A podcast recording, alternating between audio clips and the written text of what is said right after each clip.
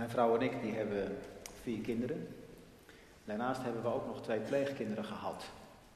Twaalf jaar lang hebben we voor uh, een jongen en een meisje gezorgd.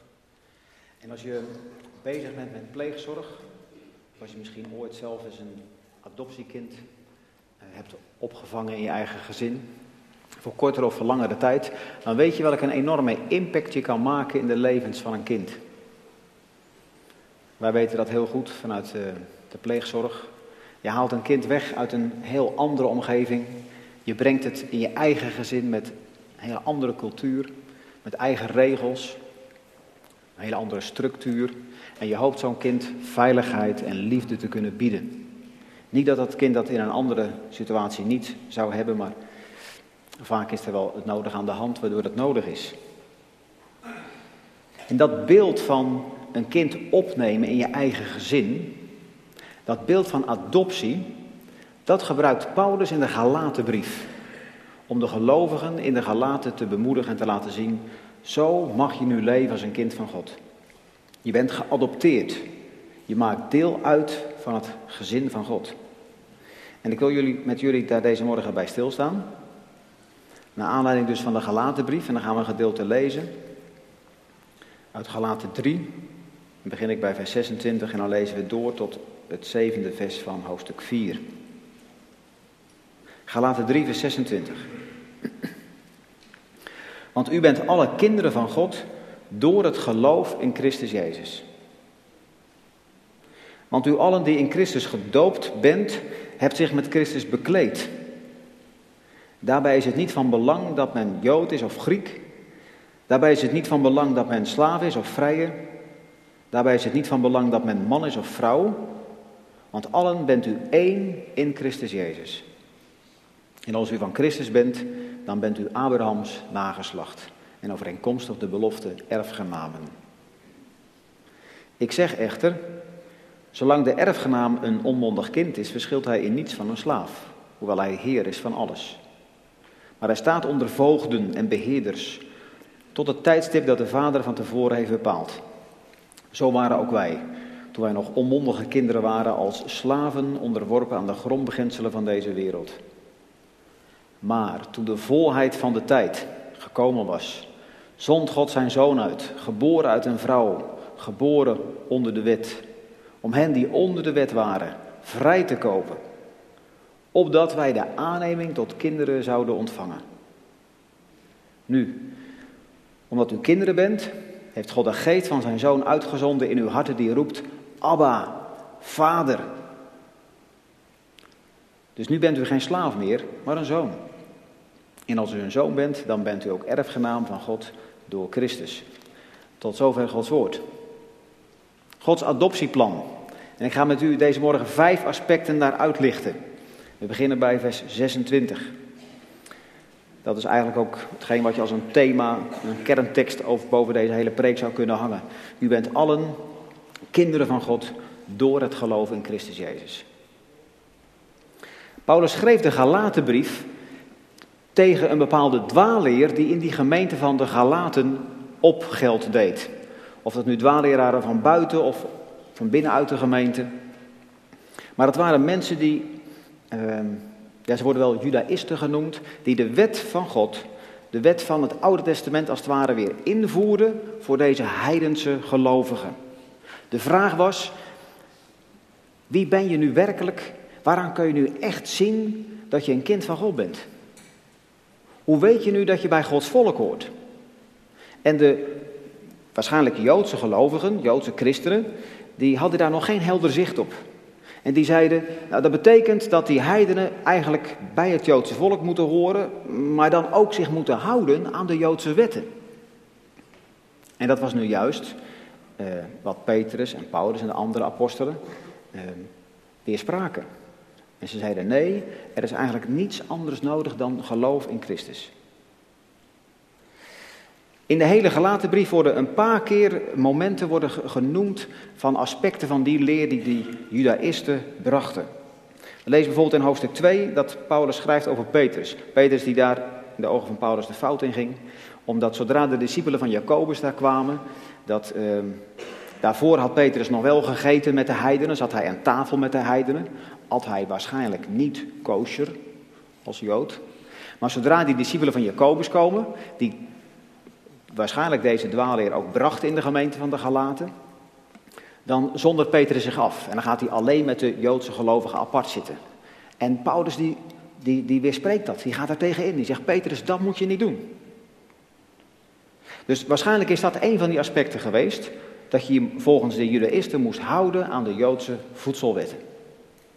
En dat is een van de drie, wat ze wel noemen de identity markers geweest, waarmee de Joden hun identiteit als volk altijd hebben behouden. Tot op de dag van vandaag. De eeuwen door hebben de Joden vast kunnen houden aan het feit dat ze Joods zijn door een drietal dingen. De voedselwetten, het vieren van de feesten en de besnijdenis.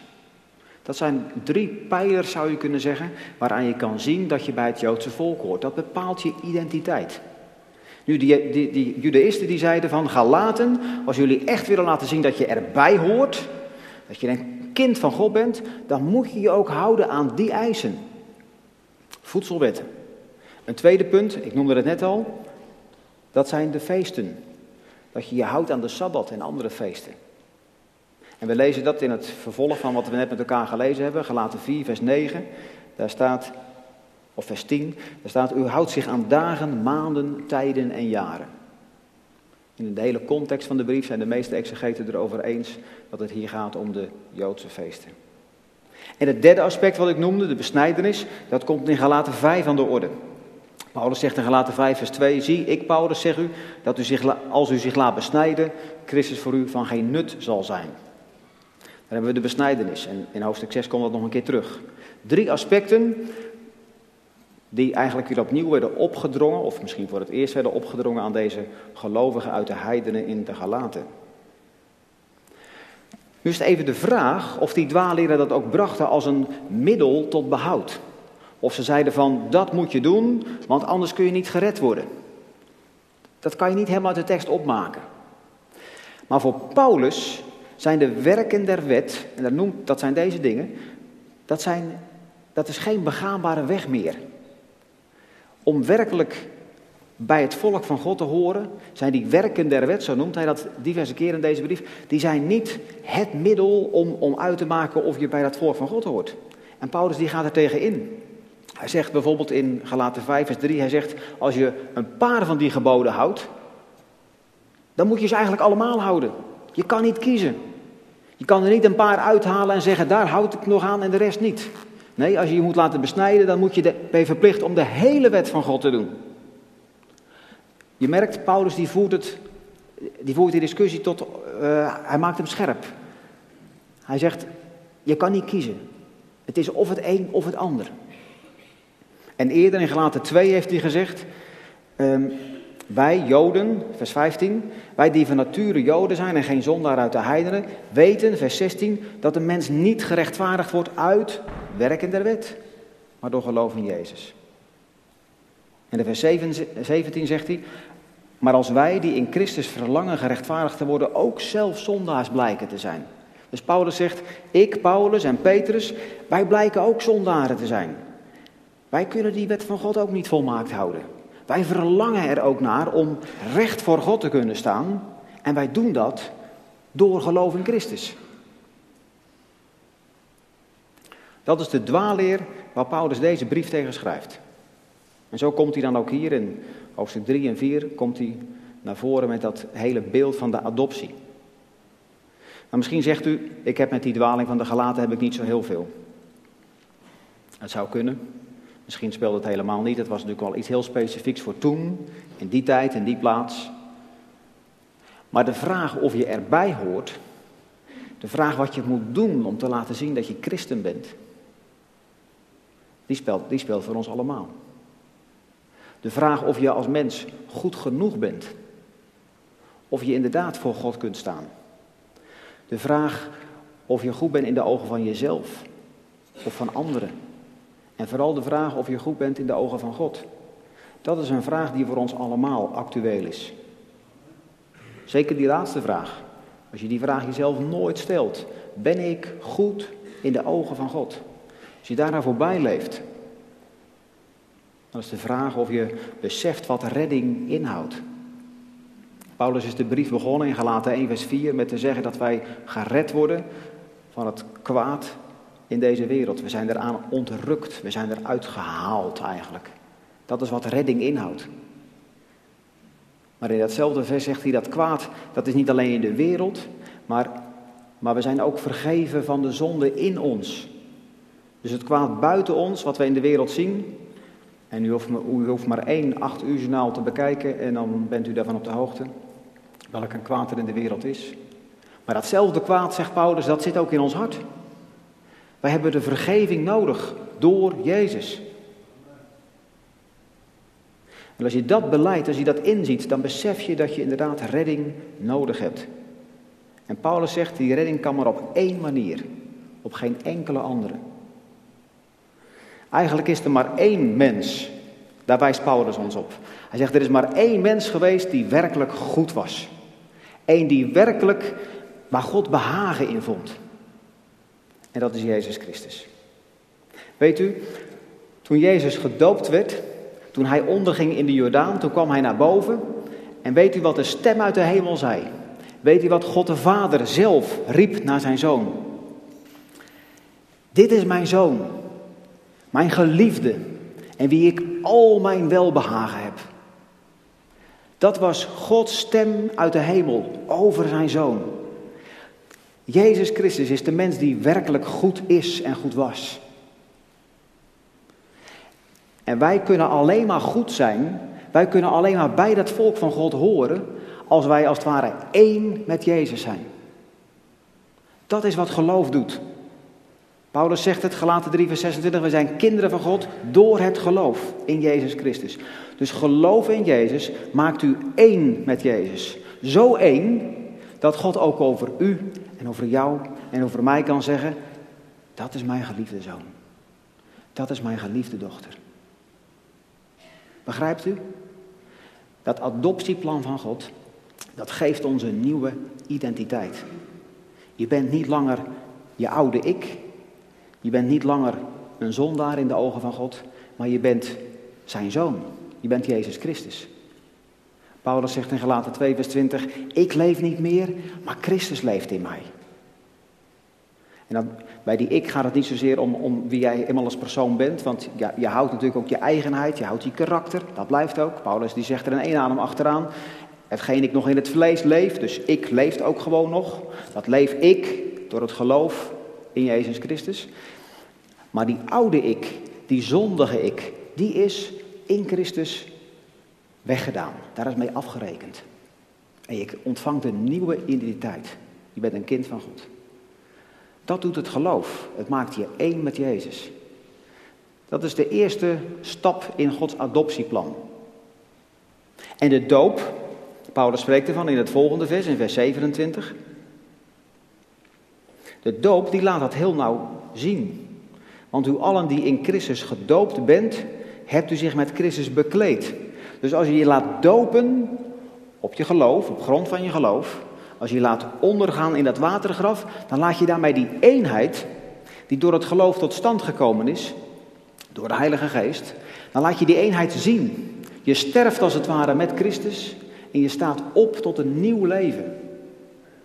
Vandaar dat de doop zo'n heerlijk symbool, zo'n heerlijk teken is. Misschien wel iets meer zelfs dan een symbool, maar het laat in ieder geval zien wat er van binnen gebeurd is met je. Het laat zien waar je bij hoort. Nou, we zitten in een baptistengemeente. Dus ik ga ervan uit dat u, als u zegt van ik ben tot bewust geloof gekomen, dat u er ook naar verlangt, of die stap al gezet heeft, of dat u ernaar verlangt om die stap te zetten. Dat u zich laat dopen als een teken dat u bij Jezus hoort. Dat u een kind van God bent. Maar God geeft je meer. In dat adoptieplan hoort niet alleen dat je een nieuwe identiteit krijgt, je zou kunnen zeggen een nieuwe naam, maar ook dat je bij een nieuwe familie hoort. We zien dat in vers 27, of vers 28. Daarbij is het niet van belang dat men Jood is of Griek. Daarbij is het niet van belang dat men slaaf is of vrije. Daarbij is het niet van belang dat men man is of vrouw, want allen bent u één in Christus Jezus. Paulus noemt drie verschillende vormen van onderscheid. Hij heeft het over een, een, een, een etnisch onderscheid, Jood of Griek. Hij heeft het over eh, een verschil in sociale status, of je vrij bent of een slaaf. En een slaaf moet je denken iemand die dienstbaar is aan anderen. We zouden kunnen zeggen een werknemer.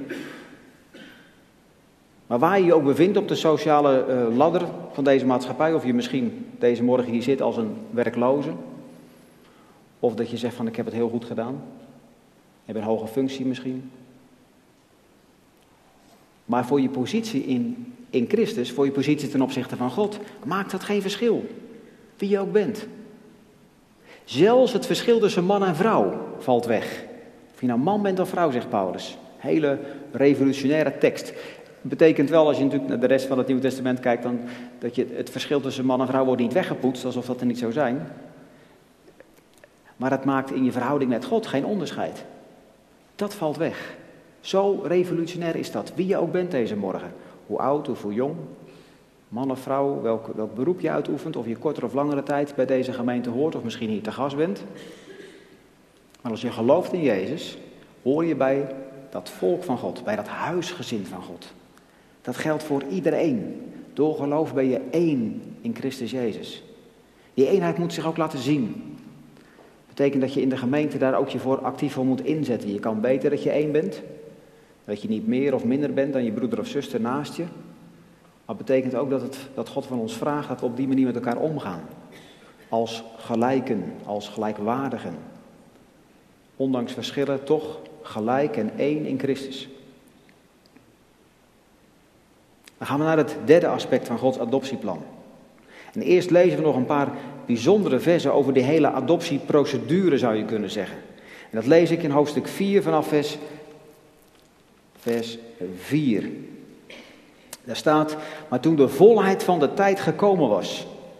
De volheid van de tijd. We hebben net um, even PR gehoord voor, voor die Kairos-cursus. Uh, Kairos, dat is, dat, dat is het Griekse woord voor Gods de, het juiste tijdstip.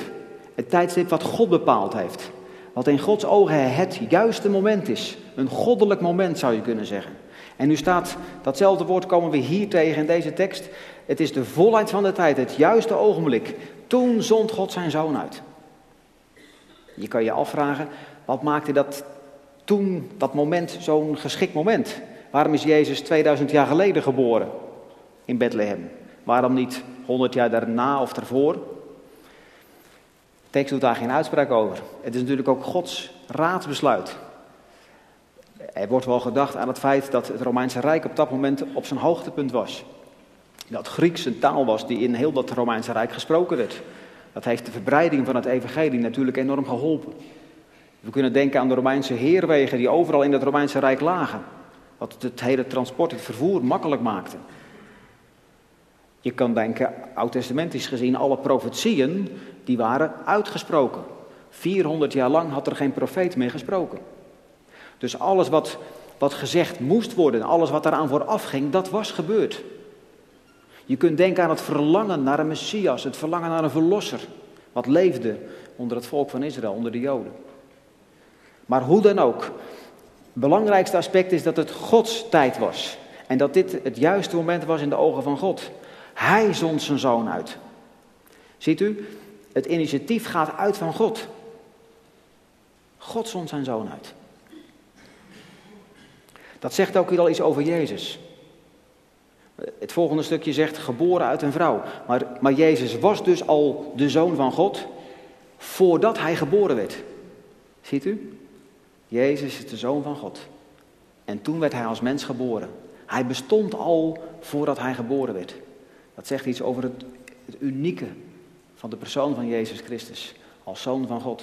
Hij werd geboren uit een vrouw, hij werd werkelijk mens. En, zegt Paulus, hij werd geboren onder de wet.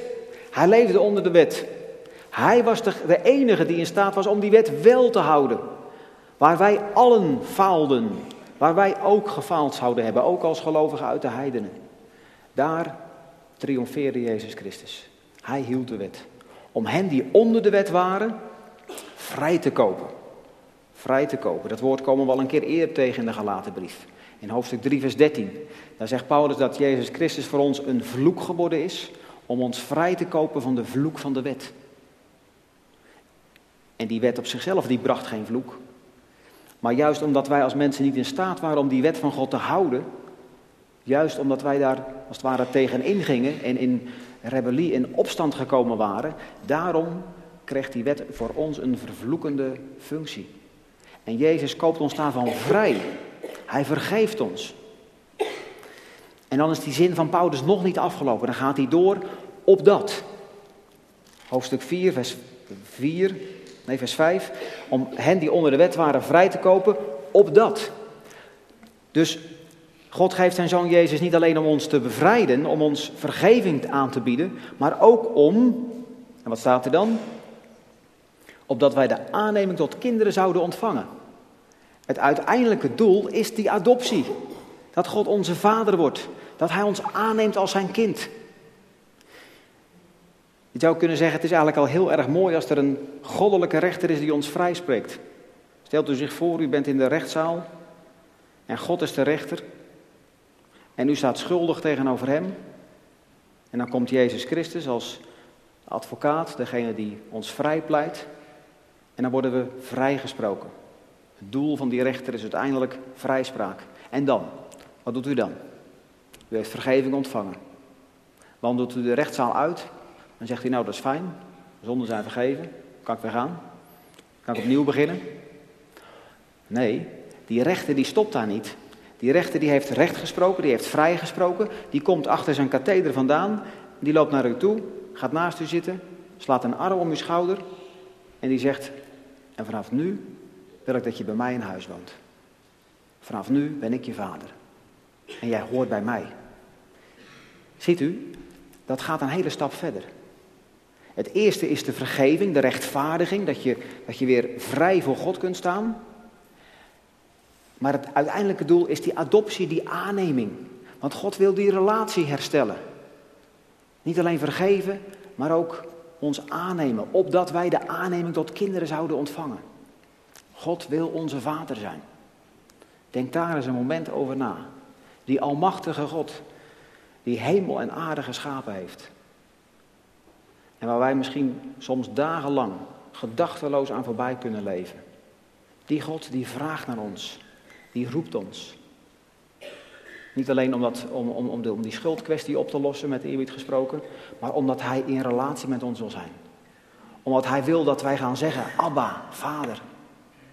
Omdat Hij wil dat jij, jonge meisje, beseft dat je niet alleen een aardse vader hebt, die misschien wel eens wat steekjes laat vallen. Ik ben zelf ook vader. En ik weet ook wel waar ik in faal. Maar dat je beseft dat je een hemelse vader hebt. Die nooit faalt. Die altijd voor je klaarstaat. Die je altijd hoort. En die je werkelijk lief heeft met zijn goddelijke liefde. Dat is wat God de Vader ons wil geven. Verbazingwekkend is dat. Ik kan me nog herinneren, wij hadden pleegkinderen, zei ik, in het begin. We hadden pleegkinderen en op een gegeven moment ging ik dat ook vergelijken met mijn eigen kinderen. En ik, ik weet niet of je zich dat voor kunt stellen, maar uh, je probeert zo goed mogelijk ook van die pleegkinderen te houden. Probeer consequent te zijn, maar probeer ook liefde te geven. Maar ik merkte toch van binnen dat het altijd lastig was om om ze echt helemaal gelijk te behandelen. Je eigen kinderen, daar heb je toch een bloedband mee. Die benader je uiteindelijk toch anders. Er blijft een verschil tussen eigen kind en een aangenomen kind of een geadopteerd kind. Misschien bij adoptie dat het weer een beetje anders is, dat weet ik niet uit ervaring. Als je zelf geen kinderen hebt, je hebt kinderen geadopteerd, dan maak je ze misschien ook nog meer tot je eigen kinderen. Dat zou heel goed kunnen. Dat weet ik niet uit ervaring, maar bij mijn pleegkinderen merkte ik altijd dat er een soort verschil bleef hoeveel ik ook mijn best deed tussen het kind wat we in huis genomen hadden en het kind wat bij ons in huis geboren was. En ik kan me nog herinneren dat ik in die tijd dat ik erover nadacht, een keer het hoge priesterlijk gebed las. Johannes 17. En daar bidt Jezus een heel wonderlijk vers. Aan het eind van dat, van het hoge priesterlijk gebed, dan zegt Jezus, dan vraagt hij aan zijn vader of de liefde waarmee God hem lief heeft, of die ook in de discipelen mag zijn. Ook in zijn volgelingen.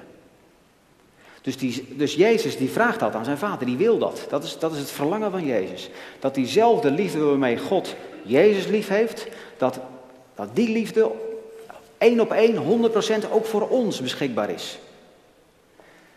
Toen dacht ik van, hoe is dat mogelijk? Dat God zoveel van mij houdt als die van Jezus houdt. Dat kan ik me eenvoudigweg niet voorstellen. Ik kan me voorstellen dat er juist altijd een verschil blijft. Zoals ik dat met mijn eigen kinderen en pleegkinderen merkte. En toch is dit wat God zegt. Als Hij ons aanneemt, het beeld van een kind wat in een gezin wordt opgenomen, dan is die liefde, die is zo totaal, die is zo volkomen, zoals alleen maar God die liefde kan geven. Hij wil dat we Hem onze Vader noemen.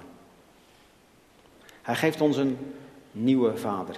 Dat is het derde aspect wat ik noem uit dit adoptieplan. Hij geeft ons een nieuwe identiteit, daar zijn we mee begonnen, door het geloof in Jezus. Hij geeft ons een nieuw gezin. Hij geeft ons een nieuwe vader. En het vierde wat ik eruit haal, dat is dat hij ons ook een nieuwe geest geeft. Dat is de Heilige Geest. Dat lezen we in vers 6 van hoofdstuk 4. Nu, omdat u kinderen bent, heeft God de geest van zijn zoon uitgezonden in uw harten die roept Abba, Vader. God heeft eerst zijn zoon uitgezonden, maar hij zendt ook zijn geest uit. Weer gaat het initiatief van God uit. En wij ontvangen die geest. Waar, waar krijgen we die geest? In ons hart. God heeft dus de geest van zijn zoon uitgezonden in uw harten. Kan het, kan het dichter bij je? Kan het uh, dieper in wie je zelf als mens bent? Daar geeft God ons zijn geest. Niet alleen in, de, in het kerkgebouw, ik ik wou zeggen de kerk, maar zo praat ik ook vaak nog over het gebouw waar we samenkomen. Dan zeg ik dat is de kerk. Maar het diepste zijn we de kerk, het zijn alle gelovigen. Dat zijn we samen, de gemeente van God. Maar het is niet eens zo dat God de Heilige Geest geeft alleen maar in een bepaald gebouw of als we met elkaar samenkomen. Maar, maar God geeft zijn geest in onze harten. Heel persoonlijk, heel dichtbij. En die geest zorgt ervoor dat wij als het ware van binnenuit gaan roepen, Abba, Vader. Dat is misschien iets wat je, misschien heb je al zo gebeden, dat je echt God echt heel erg als vader aanspreekt. En de eerste keer dat je dat doet, ik kan me dat in mijn eigen leven nog herinneren. De eerste keer dat je zo bidt, dan voelt dat bijna een beetje aanmatigend. Dat je denkt van ja, dat, dat zeg ik nu zelf wel, maar is dat ook zo? Maar het is Gods geest die wil dat je dat zegt. Gods geest beweegt je om dat te gaan zeggen, om God vader te gaan noemen. Als je een schroom hebt om God vader te noemen, en ik herken die schroom bij mezelf. Als je die, die schroom hebt, dan is dat niet goed, dan is dat niet bescheiden of, of zoals de geest het wil. Nee, misschien weersta je daarmee de Heilige Geest wel. Of misschien, je weerstaat de Heilige Geest daarmee. Want de Heilige Geest die wil dat jij roept, Abba Vader. Geef die geest, de Heilige Geest, die ruimte in je leven. Elke dag opnieuw. Om God als Vader aan te roepen. Niet alleen omdat jij dat wil en dat nodig hebt, maar omdat God het wil. Dit is God, Gods adoptieplan. Voor jou, voor u. Het mooie is, God geeft ons niet alleen die status van kinderen, maar Hij wil dat we het ook zo ervaren. Hij wil dat we het ook als zodanig beleven. Je kan natuurlijk opgenomen zijn in een gezin, zonder dat je werkelijk liefde proeft. Maar God wil dat je erbij hoort en dat je het weet. Je bent maar een heel ontaarde vader als je je kinderen je liefde niet laat blijken. Als je, als je ze voortdurend in het ongewisse houdt, of je wel echt, echt van ze houdt. Vorige week was het vaderdag. En toen moest ik er weer opnieuw aan denken. Ehm, ik heb zelf kinderen. En ehm, je houdt van je kinderen. Maar, maar zeg, je het, zeg je het ook tegen je kinderen? Dat geldt natuurlijk ook voor de moeders onder ons.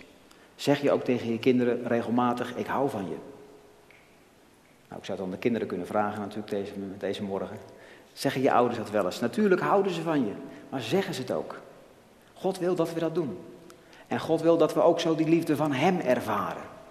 Hij heeft ons niet ooit eens tot zijn kinderen gemaakt en dan moeten we de rest van ons leven maar een beetje aanmodderen in de vage wetenschap dat we ergens wel bij Hem horen. Nee, Hij wil steeds opnieuw laten merken, ik ben je vader. Ik hou van je. Ik ben blij met je. Dat heb je nodig. Ik merk dat aan mijn tienerkinderen. We hebben vier kinderen waarvan er eh, drie in de puberteit zitten. Uh, die drie kinderen hebben dat nodig. Je zou denken, het zijn stoere pubers. Die hebben dat niet meer nodig.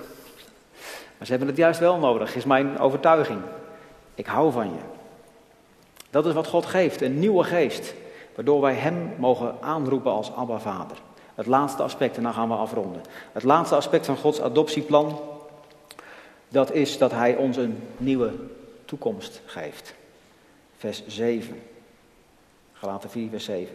Dus nu bent u geen slaaf meer, maar een zoon. En als u een zoon bent, dan bent u ook erfgenaam van God door Christus. Je bent een erfgenaam. God stelt je erfenis als het ware veilig. Ik denk dat dat iets is waar we als mensen ook naar verlangen. We zijn soms bang voor de toekomst. Wat gaat de toekomst ons brengen? Het kan nu goed met je gaan. Ik sprak pas geleden bij ons iemand in de gemeente, iemand van mijn leeftijd ongeveer. En die zei van, ik heb, een, ik heb een vrouw, we hebben kinderen, we hebben alle twee een goede baan. Het gaat allemaal goed. We zijn niet ziek. Hij, hij zegt, ik kan me eigenlijk niet voorstellen dat het zo blijft gaan. Hij was eigenlijk bijna een beetje bang dat het fout zou gaan. En dat is het. Op het moment dat alles goed met je gaat, dan leeft er nog steeds een angst. Want het goede wat je hebt, dat, dat kan je kwijtraken. Dat kan je ontvallen. En je beseft dat je uiteindelijk het leven niet in eigen hand hebt. En dan is onderdeel van Gods plan, van zijn adoptieplan, is dat hij zegt, ik heb jouw toekomst, heb ik in mijn hand. Ik garandeer dat jouw toekomst veilig is bij mij. Dat heb je nodig om werkelijk rust te kunnen hebben. En dat betekent niet dat er in je leven niks ergs kan gebeuren. Misschien haal je de 40 niet. Misschien word je maar 60. Maar of je misschien, of je nou die leeftijd bereikt, of je wordt 80 of 90, maar uiteindelijk ligt je rust en je veiligheid in het besef dat God erbij is. Dat in welke omstandigheden van het leven ook, Hij je vader is. Die er op de diepste momenten in je leven bij is. Dat geeft ten diepste rust. Draai het eens om. Als je zou zeggen van oké, ik, ik weet dat ik 100 jaar word. Ik weet dat echt 100% zeker. En mij gaat niks overkomen. Ik ga geen ongeluk krijgen, ik ga niet ziek worden. Het gaat met mijn kinderen goed. Maar zodra ik 100 ben, dan weet ik niet wat mij gaat overkomen. Als ik sterf, weet ik niet hoe ik voor God sta. Geeft dat je rust? Zou dat je rust geven? Nee toch? Andersom, als je zegt van ik weet niet wat de dag van morgen brengt. Maar één ding weet ik. God zal erbij zijn. Dat geeft wel rust. En die rust, die nieuwe toekomst die God geeft, daar stelt hij zich als het ware garant voor. Daar stelt hij zich borg voor. Hij zegt, je bent een erfgenaam geworden van God. Dan bent u ook een erfgenaam van God door Christus. Als je over zo'n tekst nadenkt, dan zeg je, hoe kan dat nu? Hoe kan ik een erfgenaam van God zijn? Iets erven van God. Dat betekent dat God iets verdiend heeft door zijn zoon Jezus Christus en dat hij ons dat wil geven. Dat betekent nu al de rechtvaardiging en de aanneming tot kinderen, maar betekent ook een eeuwige toekomst bij Hem. Dat je eeuwig van dat vaderschap mag genieten.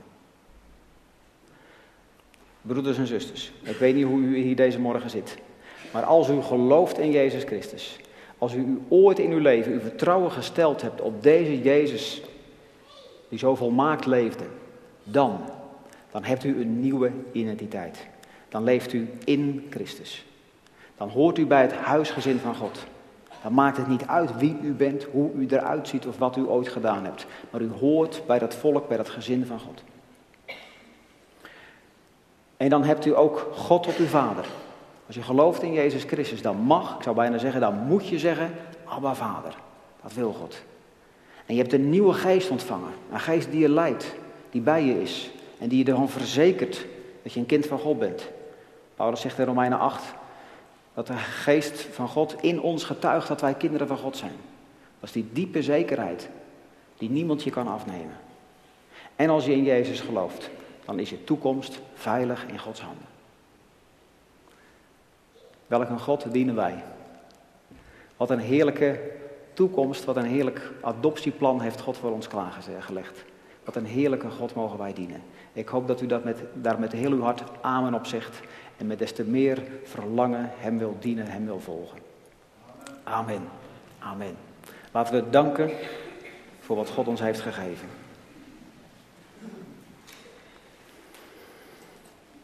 Hemelse Vader, wij danken u voor alles wat u ons hebt gegeven. En het feit dat u geeft, dat is, dat is uw genade. Dat laat zien dat het voor 100% bij u vandaan komt. Dat wij niets hebben verdiend. Dat wij ook niets kunnen verdienen door werken van de wet of welke invulling we daar ook aan geven. Maar dat we ons volledig mogen richten op wat uw Zoon Jezus Christus voor ons verdiend heeft. Heer, daar prijzen we u voor. En we danken u dat we ons een kind van God mogen noemen. Heer, misschien zijn er onder ons die eraan twijfelen. En we bidden u dat u ze daarin wil leiden. En dat u ze de zekerheid wil geven dat ze u toebehoren. Door het geloof, door het vertrouwen in u. Heer, we danken u voor uw geest. We danken u voor de gemeente. We danken u voor die toekomst die in uw handen ligt. Heer, we bidden voor hen onder ons, voor wie die toekomst misschien extra onzeker is. Vanwege ziekte, vanwege werkloosheid of stress. Heer, u weet ervan. En we bidden van u dat ze de rust mogen vinden in de wetenschap dat u hen leidt. En dat u een liefdevolle vader bent die weet wat wij nodig hebben. Heer, zo prijzen we u voor wie u bent. Voor alles wat u doet in onze levens. We eren uw grote naam en we zien er naar uit om deze naam te verkondigen over de hele wereld. Opdat iedereen zal beleiden dat u, Heer Jezus, Heer bent. Tot lof en heerlijkheid van God de Vader. Amen. Amen.